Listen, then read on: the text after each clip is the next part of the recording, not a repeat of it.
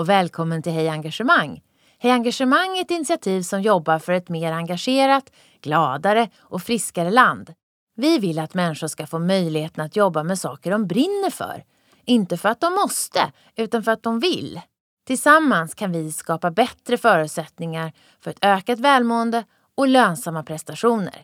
Med Hej Engagemang får du träffa inspirerande personer som ger tips och insikt i hur du kan nå bättre resultat på jobbet och samtidigt må bättre. Nu kör vi! Välkomna! Här sitter jag på Lucia och äter en lussekatt och pratar med dagens gäst. Det är på tiden att vi gästas av en ledare från sportens värld. Vi ska få lära oss mer om hur du som ledare upprätthåller engagemang och positiv motivation hos dina spelare och medarbetare. Och vilka erfarenheter som går att översätta till arbetslivet. Ingmar Linnell är handbollstränare med bland annat VM-guld för Sveriges U21-herrlandslag i bagaget och tidigare förbundskapten för svenska handbollslandslaget. Varmt välkommen till podden Ingmar. Tack. Vad är din viktigaste roll som tränare? Jag tror att det är få ut max av varje individuell, individuell spelare. Eh, få dem att prestera på det bästa de kan. Vad betyder motivation eh, när du är tränare? Vad betyder det för spelarna? Vad är det för sorts ingrediens för er i sportens värld? Alltså många pratar ju om eh, att spelare har stora inkomster kanske i professionell idrott. Jag har varit på lite olika nivåer i, i tränarlivet. Eh, dels mina döttrar eh, och även då professionellt ute i, i Danmark och, och förbundskapten. Och man märker att på alla nivåer nästan så är det egna drivet och motivationen det som gör skillnad på något sätt i, utsatta situationer. Eh, på vilket sätt också, gör det skillnad? Ja, både, både att man får bättre resultat eh, och också att man får otroligt mycket ehm, bättre tillvaro i träning. Alltså vi, sport är ju mycket träning. Eh, och så har man då sina söndagar eller onsdagar man ska prestera max då, om det gäller lagidrott som jag då har haft handbollen. När det är match till exempel? när det är match. Och då ska man ju då prestera max. Och sen har vi de här träningstillfällena. Och, och ska den bli liksom meningsfull och ge så mycket, så mycket bas och så mycket möjlighet att prestera på max som, som man kan så är motivation otroligt viktigt. Alltså meningsfullheten att komma till en träning och, eller sitta i omklädningsrummet lite extra efter och inte springa hem direkt. Eller varför är man där i princip? Vi har ju bjudit in dig för att du har funderat mycket på hur du kan hitta ett reglage för motivationen både hos spelarna men också hos spelarna som ett lag och din egen motivation också. Eh, och så heter det Engagemangspodden mm. där och vi är väldigt nyfikna på engagemangets eh, drivkrafter. Vad ser du för koppling mellan motivation och engagemang? Eller är de liknande eller är de olika ingredienser i ett lag? Jag tror att man kan, eh, man kan självklart fråga en individ eh, varför de tycker att det är meningsfullt att vara där. Och det kan ju vara då en yttre motivation. Idrotten har ganska mycket yttre motivationsfaktorer.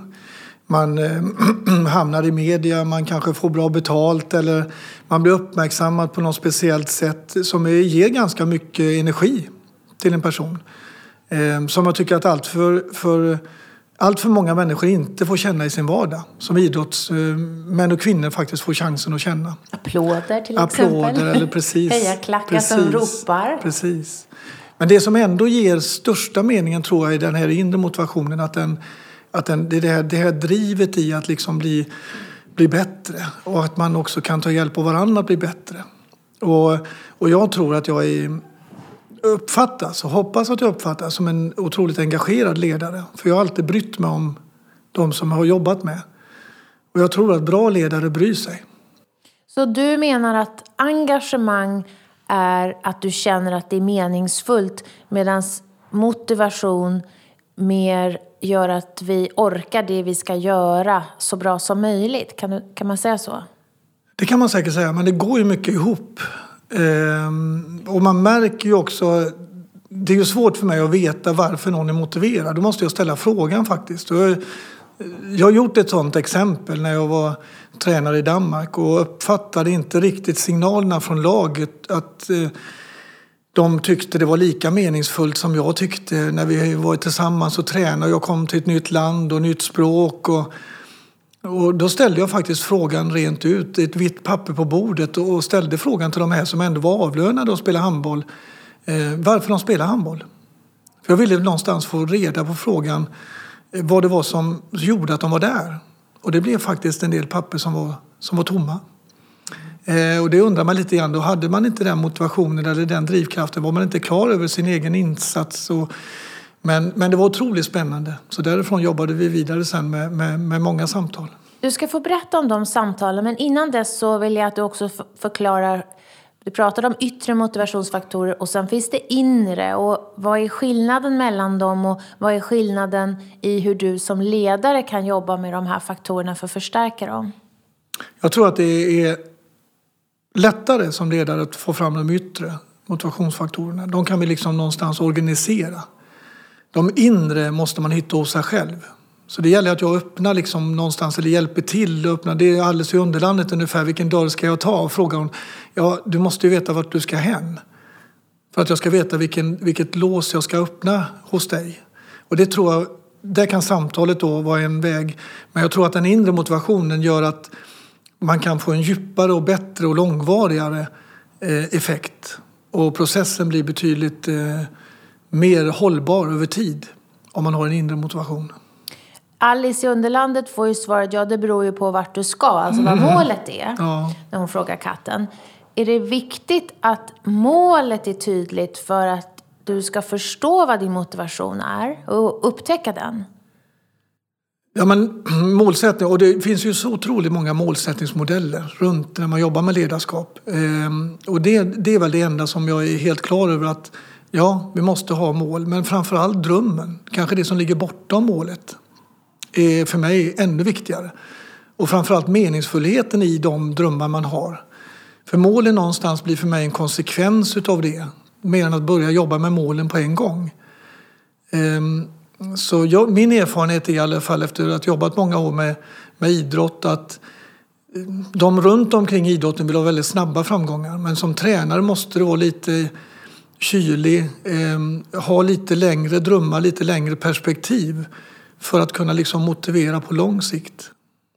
Är det viktigt då att ha ett, en dröm för laget när man är lagsportstränare? Alltså, så, har, så har jag haft det. Ehm, men det, men det, det, det, jag tror det är väldigt personligt och väldigt olika.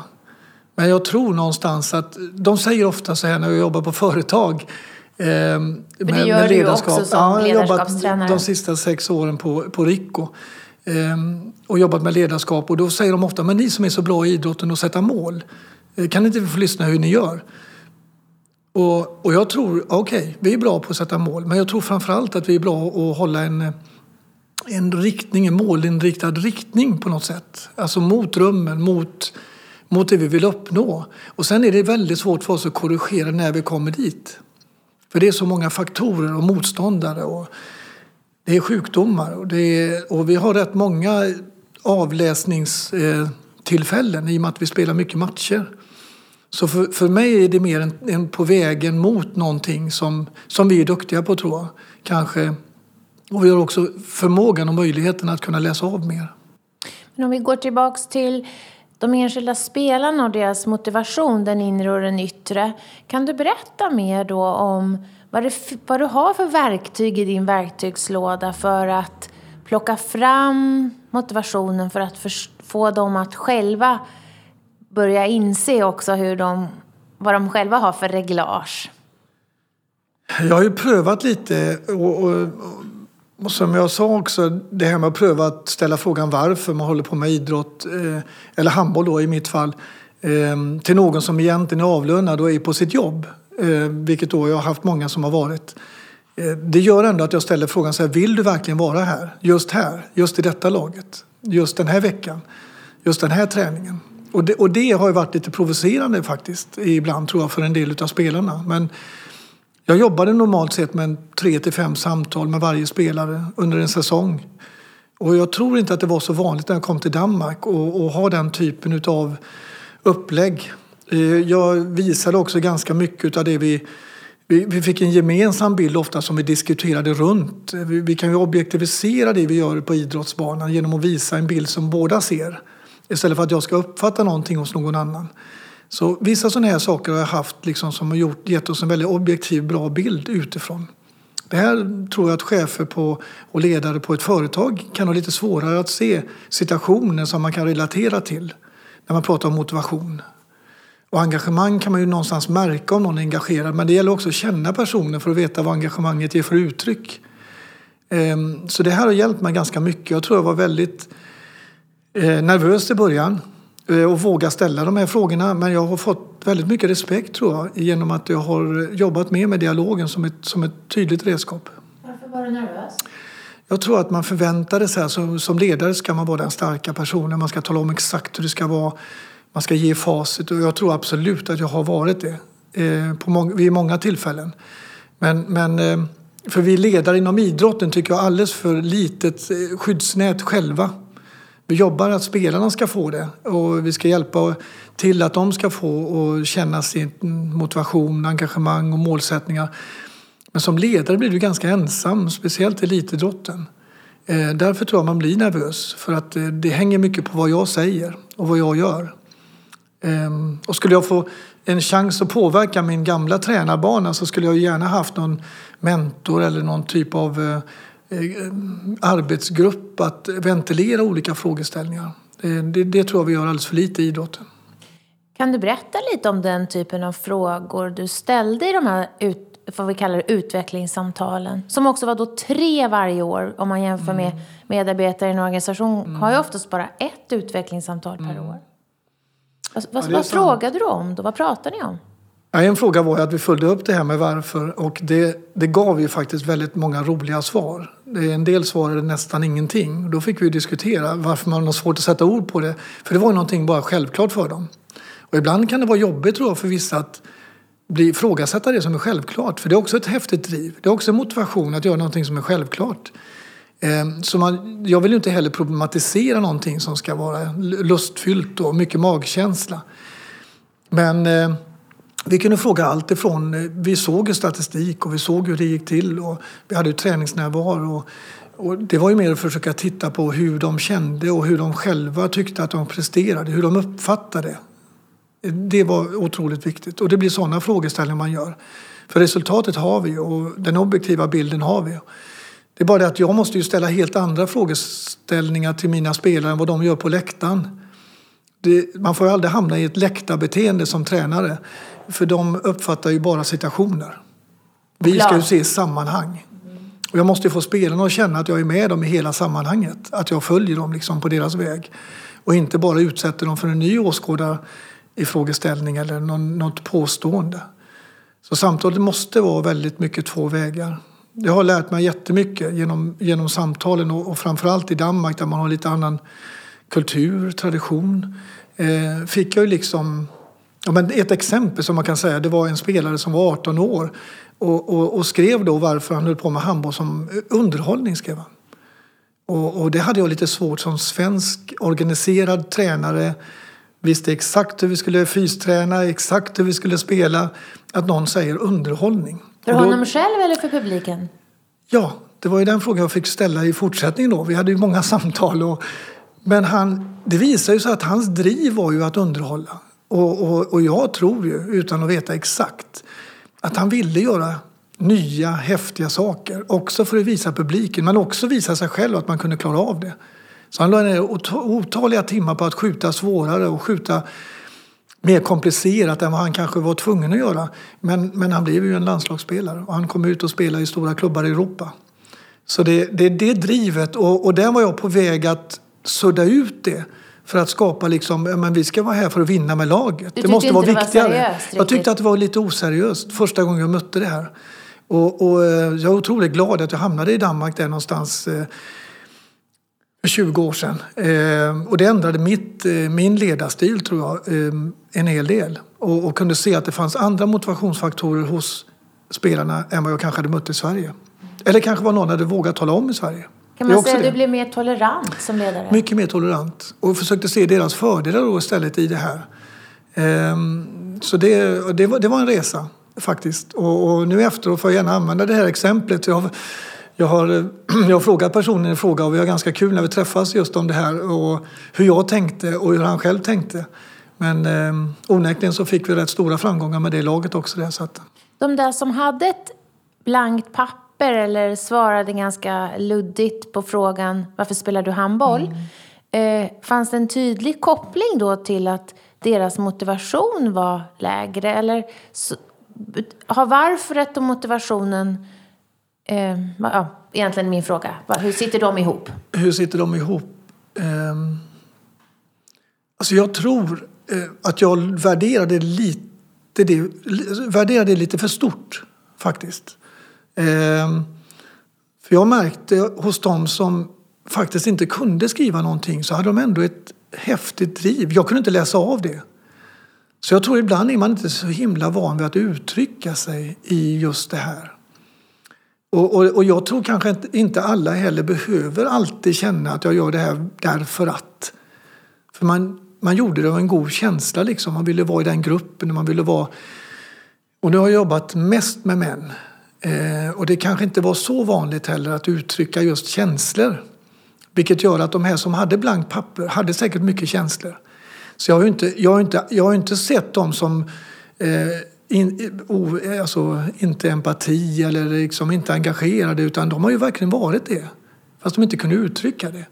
Så jag la inte för stor vikt i att vi måste bli någon, några poeter liksom, utan det skulle vara handbollsspelare. Och, och någonstans kanske jag väckte någon frågeställning som ändå gjorde att de kunde mer tala om när vi var riktigt engagerade, lite mindre. För att vinna de stora matcherna måste man ha ett otroligt driv. Alltså. För ofta är man nästan lika kompetent som motståndaren. Men det handlar så mycket om att försöka få fram det där lilla extra.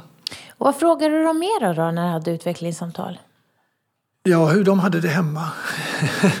Jag tror att det är viktigt också. Alltså när man träffas så ofta som vi gör så inte för att man ska veta problem man har hemma eller veta, men situationer som kan påverka. Jag tror att livet är ganska...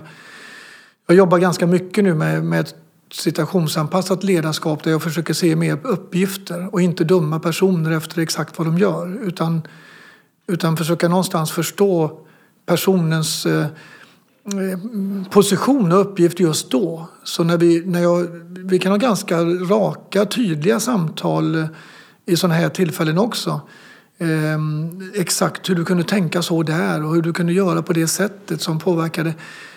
För då är det viktigt, då, då, är, det, då är det en tillfälle, som jag, en uppgift som vi skulle lösa, som jag diskuterar. Inte att man som person, och blandar in det för mycket, hur man är som person.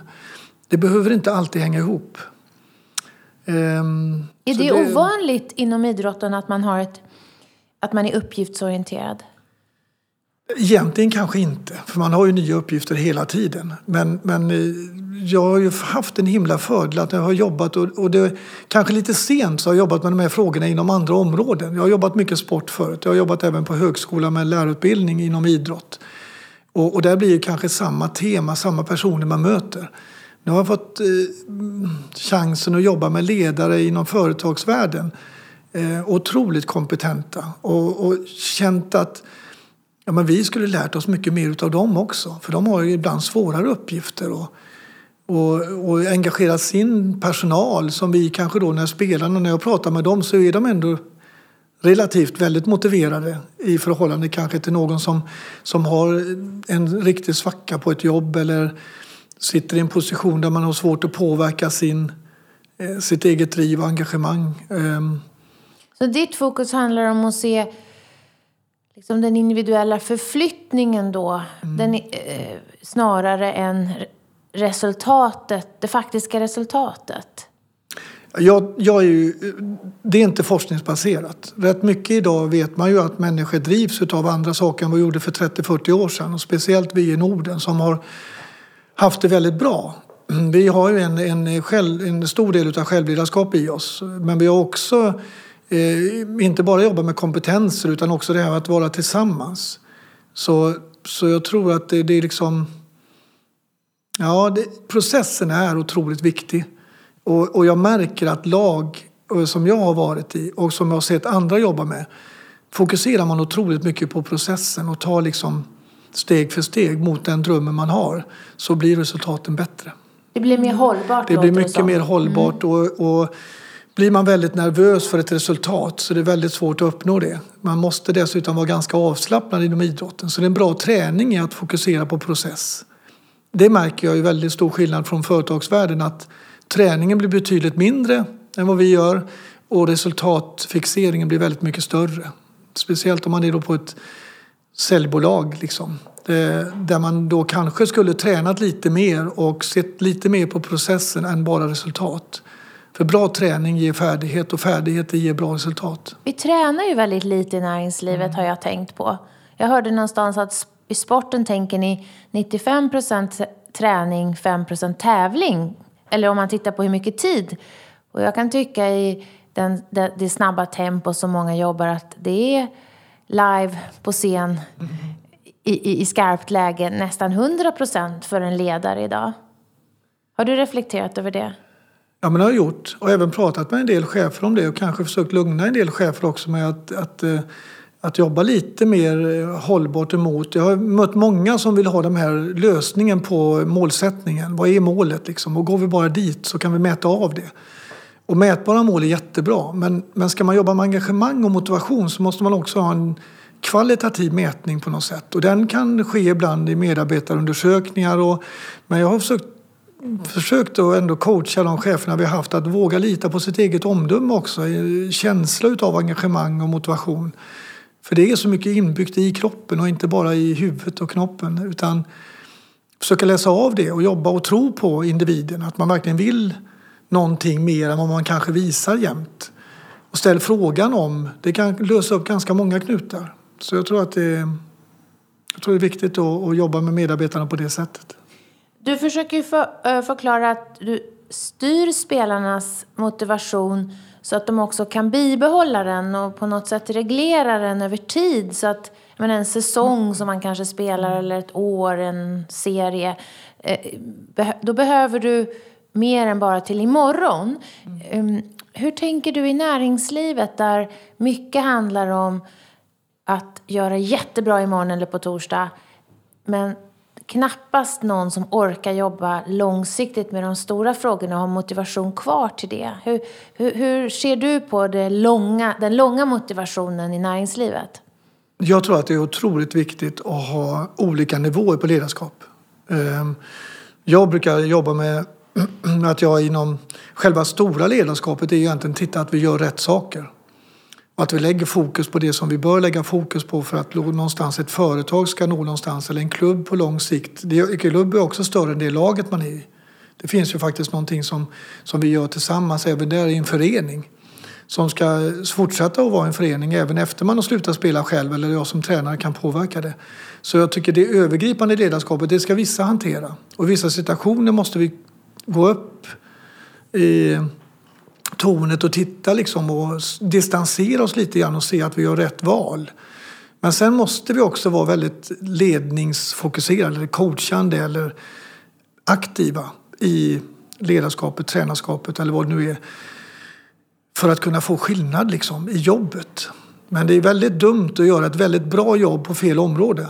För det är ungefär som att spela en handbollsmatch och vi ska spela väldigt nu Eh, brett eller fort eller något sånt där. Och så är det egentligen inte det vi ska göra sen för att nå resultaten. Vi måste välja rätt sak. Och det tror jag, det går fort idag med utveckling. Det finns många lösningar. Så idag eh, tror jag ledare måste säga mer nej än förr. Till liksom saker som faktiskt kan ta bort energi och kan göra oss desmotiverade och få ett lägre engagemang och våga tro på att okej, okay, vi väljer den här vägen.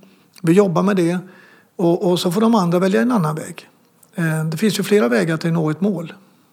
Många medarbetare klagar idag på att deras dag är så fragmentariserad. Mm. Det är så svårt att hålla fokus och därmed också hålla engagemang. Och då tänker jag inför en match så är det ungefär som nu måste vi hålla fokus hörni. Nu börjar det klockan 11. Kan du prata mer om den här liksom upptrappningen som, gör, som kanske vi som inte är i sportens värld kan lära av för att veta hur vi ska ställa in vårt fokus när vi behöver det? Alltså, jätteintressant fråga och jag har ju inte facit på det där. Jag har väl lyckats oftare än jag har misslyckats hoppas jag. Eh, för när vi har nått ganska bra framgångar så har man ju onekligen fått laget att vara på rätt nivå. Eh, men det är ju otroligt mycket de själva som gör det och vi har ju haft olika typer i lagen som kan bidra till detta på olika sätt. Men det skapas ju verkligen inte. Jag har ju själv spelat mycket, både fotboll och handboll på elitnivå. Och jag kommer ihåg själv att det var inte så att man kunde vänta till man kom ner till omklädningsrummet och få rätt stämning utan den, den kom ju dagen innan och den kom i hur man bemötte varandra det sista man gjorde på träningen innan. Och, eh, så man ska ofta tänka på det att det man säger till någon dagen innan kan få effekt dagen efter och, och två dagar senare. Eh, det är väl det som är, som är viktigt i ledarskapet. Att, så ibland har jag känt så här med ledarskap att bara jag ser till att göra så lite skada som möjligt så är jag bra. Man kan faktiskt ställa till det ibland också för mycket. Och och, och det, mm, så bygga upp den där känslan som du säger, den är magisk när den blir riktigt, riktigt bra. Det blir så att man kan ta på någon stämning, man behöver knappt prata med varandra, kommunikationen är hundraprocentig. Och det har man haft sådana här tillfällen där det slår till. Och så har man väl de här 80-90-procentiga tillfällena. Ehm, men det kan ofta räcka för att vinna mot någon som är lite sämre. Så jag tror man måste bygga organisationer och hållbara. Man kan inte vara på topp jämt. Och även i företagsvärlden måste man kunna ha en liten off-dag och då tar ju någon annan i, i, i gruppen över och man, man ja, och drar den här. Så liksom det här med att man alltid ska vara toppmotiverad, engagerad, det, det tror jag inte riktigt på. Eh, för jag tror att vi är så mänskliga liksom och måste acceptera att vi har våra... Och det kanske inte riktigt så accepterat idag heller. Eh, man kanske Hur måste märker ha du det?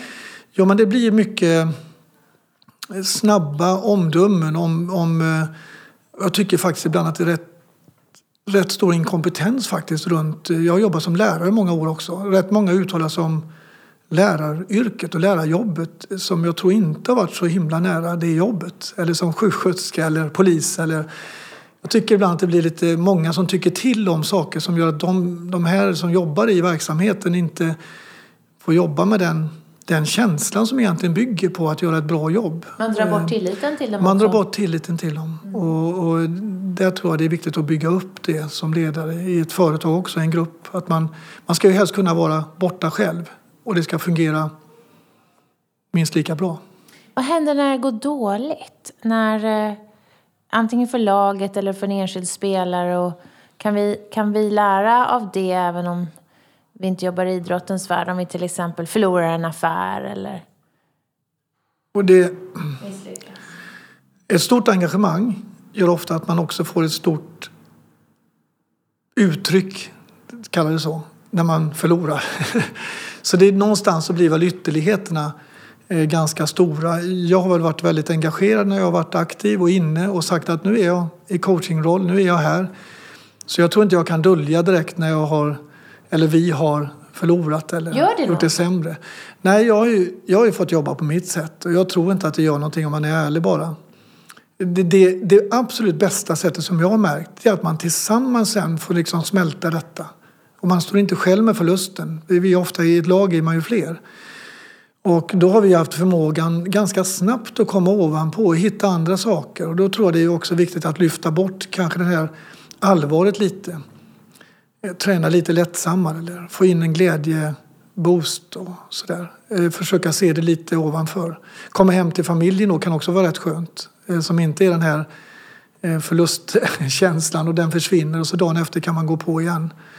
Ehm, på ett företag tror jag det är svårt att hitta de här tillfällena. Vi får ju faktiskt inom idrotten ganska många tillfällen till att reagera både positivt och negativt. Medan man kanske i ett, ett, ett företag ibland har jag tänkt tanken att man kanske skulle provocera lite mer tydligare uttryck på engagemang, motivation och sånt. eh, För att det kan bli ganska slätstruket. Jag Du har ju haft chans att göra det på Rico. Vad, vad har ni gjort då för att eh, manifestera engagemang på tydligare sätt? Ja, de, det var lite skönt. Det var ju säljbolag. Och de har klockor att ringa i. Och jag kände det när jag kom in första gången där för sex år sedan. Att de hade otroligt mycket... Om det gick bra för någon och de vann en affär så var det mycket high five och upp. Och de har haft olika fester där de har liksom manifesterat framgångar. Ehm, och jag tror att det finns inbyggt i den, i den eh, kulturen att, eh, att boosta varandra. Framförallt ge ett väldigt plus till framgångar. Men jag är inte riktigt lika säker på att man har varit bra på att ta motgångar. Ehm, eh, det har vi i alla fall diskuterat och, och där har inte jag något facit direkt och det finns ehm, säkert de som har klarat det hur bra som helst. Men jag, jag har inte själv funnit nycklarna till det riktigt. Men, men, eh, för vi får ju rätt mycket beröm som barn. Sen får vi inte så mycket beröm som vuxna mer. Ehm, så de här som får beröm då i de här lyckade tillfällena och idrotten när det ger sådana här vinster då, så får vi faktiskt chans att få lite grann som alla förtjänar egentligen. Jag har två exempel som jag skulle vilja att du kommenterade på som handlar om hur man agerar när det inte går så bra. Det ena är Microsoft som säger att vi firar inte framgångar. Eh, för att vad som händer då är att vi på något sätt slår oss till ro. Utan vi ska analysera varför vi vann och lära oss någonting av det. Och den, det, då går vi lite grann från dopamin till mm eh, serotonin när vi förstår meningen och vi förstår de större sammanhangen. Eh, sen kan man tänka att de kanske firar lite grann och säger hurra, men alltså de, de är inte så fokuserade på den här segerkulturen. Hur ser du på det? Alltså det, återigen, man väljer sina olika sätt. Och, och jag tycker att det är, är väldigt tydligt när vi var, till exempel när vi vann sex mästerskap i danska ligan på tio år. Då var vi otroligt, vi vann ju betydligt mycket mer än vi förlorade. Och det är klart, skulle vi slå klackarna i taket och lyfta omklädningsrummet och varit fantastiskt varje gång vi vann så hade det inte, det hade inte landat någon gång. Eh, så det blir, tror jag, ett sätt också med en, en hållbar, väldigt eh, resultatpositiv miljö så blir man nog lite mer återhållsam i varje situation där man vinner. Utan det blir en självklarhet, det blir en vana, det blir en vald sanning att så här bra är vi. Och det är klart att det är ett otroligt häftigt tillstånd.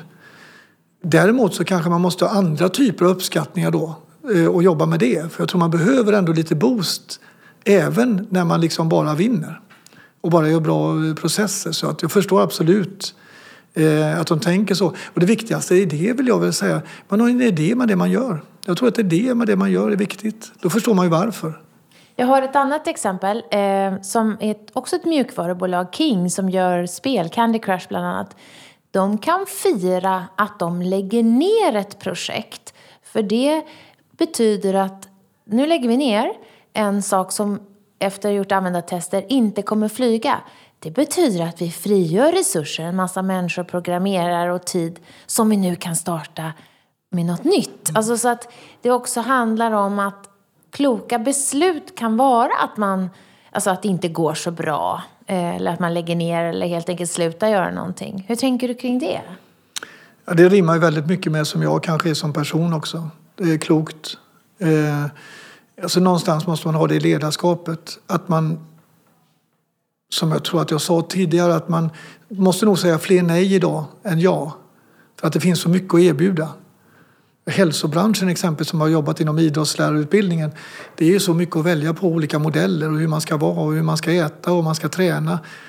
Så att skulle man gå på alla de här sakerna så fick man inte göra mer dygnet runt. Utan det gäller att liksom hitta en sak som passar en själv, hitta en normal, bra nivå på det för att kunna upprätthålla en hållbarhet. Ehm, det är väl alldeles utmärkt att jobba med fel sak, att eh, ta bort den och så frigöra energi och kompetens.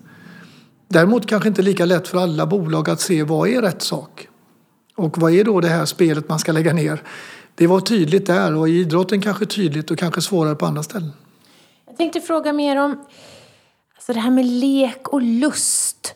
Uh, har, du någon, har du sett hur det är kopplat till motivation och engagemang. Jag kan ju tycka att det ser härligt ut när spelare kramar varandra och hoppar på varandra i en stor klump. Och det gör vi väldigt sällan på arbetsplatsen, ligger i en stor hög på golvet och rufsar varandra i håret.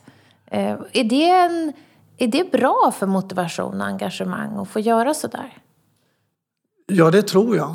Eh, jag, jag, vet inte exakt hur andra tycker men det är en häftig känsla eh, att vara med om. Och, och i omklädningsrum så, där så slår man mycket i händerna, man klappar varandra på axlarna och man liksom verkligen försöker liksom beröra varandra också ibland för det ger lite bättre känsla av att man verkligen bryr sig. Och som man sa, det, bra spelare bryr sig och bra ledare bryr sig. Och, alltså jag, tror att det, jag tror att det är jätteviktigt att visa känslor och, och verkligen försöka uppskatta dem så mycket man bara kan. När blir du bra, Ingmar? När, när, eh, vad behöver du för att kunna vara ditt bästa tränar-jag? Jag, jag jobbar nog väldigt mycket efter ett meningsfullt... Eh, att det ska innehålla någonting som jag tycker är meningsfullt. Och det har klart med åren så blir det, blir det mer kanske krav från min sida att det ska vara ännu mer meningsfullt på något sätt och lägga kraften på, på det som man tycker kan ge en förändring för andra. Så, så när du säger lek och lust då inom idrotten så har jag ju alltid varit... Jag ju, mitt första jobb var ju årskurs ett i Farsta strand. Eh, och jag kan ju komma ihåg det som igår som lärare. Fantastiskt. Och, och nu står jag faktiskt ute i eh, Tensta Hjulsta i ett rörelseprojekt som vi har satt igång som heter Handball. Och där jobbar jag med barn då i 6-7-åringar och, och, och var, var, där igår och fick massa energi. Det är fantastiskt. Nu ser inte ni liksom... lyssnare det men Ingmar blir alldeles röd i ansiktet och mungiporna åker upp när han pratar om det här. Jag ja, ser det, att du blir engagerad. Ja. Och det är, det är otroligt viktigt för mig. Så jag, jag var även nere med det här handbollprojektet. Det är ett dansprojekt med lite unik boll och lite unikt sätt att tänka runt rörelse som danskarna är väldigt bra på. Ehm, vi är väldigt bra på att organisera vår verksamhet men de är duktiga på att leva sin verksamhet. Ehm, och det var jag nere i Kenya också, Tanzania här för ett par veckor sedan och såg hur, hur de kunde leka där nere i en ganska hård, väldigt tuff miljö.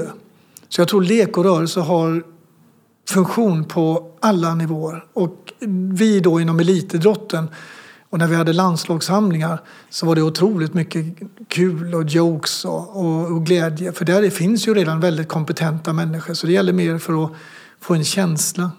Så den, den får vi aldrig, aldrig missa. Får jag sluta då med vår fråga som vi ställer till alla gäster eftersom engagemang brinner för att öka engagemanget i samhället och i Sveriges organisationer. Om du var engagemangsminister för en dag, vi säger att den rollen fanns. Eh, vad skulle du eh, fokusera på då för att få ett mer välmående och engagerat Sverige?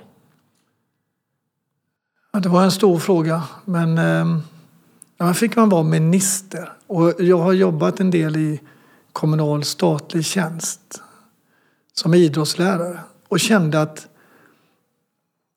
äh, skulle man få tillbaks den här lite grann eh, känslan bland de här yrkena som jobbar mycket med människor där det krävs ett stort engagemang så skulle jag vilja få deras resurser frigjorda till att jobba mycket med verksamheten. Jag, jag känner att det har blivit en förflyttning ifrån ren verksamhet, om det sen kan vara polis eller sjuksköterska eller så skulle jag ha lagt resurser på att backa upp de här personerna som verkligen ska ge mycket av sig själva i sina jobb.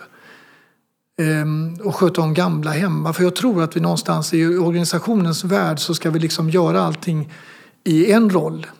Istället för att hjälpa varandra och tillföra resurser på de här områdena som kanske självklart ska vara en skälig lön och den kan säkert vara högre än vad den är idag. Men framför allt möjligheter att utföra ett engagerat arbete. För jag tror att alla får enorm nytta av det. De som blir hjälpta och de som jobbar i det. För mitt driv som lärare var ju att det var otroligt fascinerande och kul. Och, och, och mycket med, med magkänslan på dagen. Och så fick man ta planeringshjärnan på kvällen och eftermiddagen. Vad roligt det har varit att ha dig här i studion. Tack Ingmar. Tack själv. Vi hoppas att vi har väckt tankar om hur du kan bidra till ett mer engagerat Sverige. På hejengagemang.se kan du hitta mer inspiration och tips kring hur du som individ, ledare och organisation kan jobba för att skapa ett ökat engagemang, välbefinnande och nya resultat. Tack för att du har lyssnat!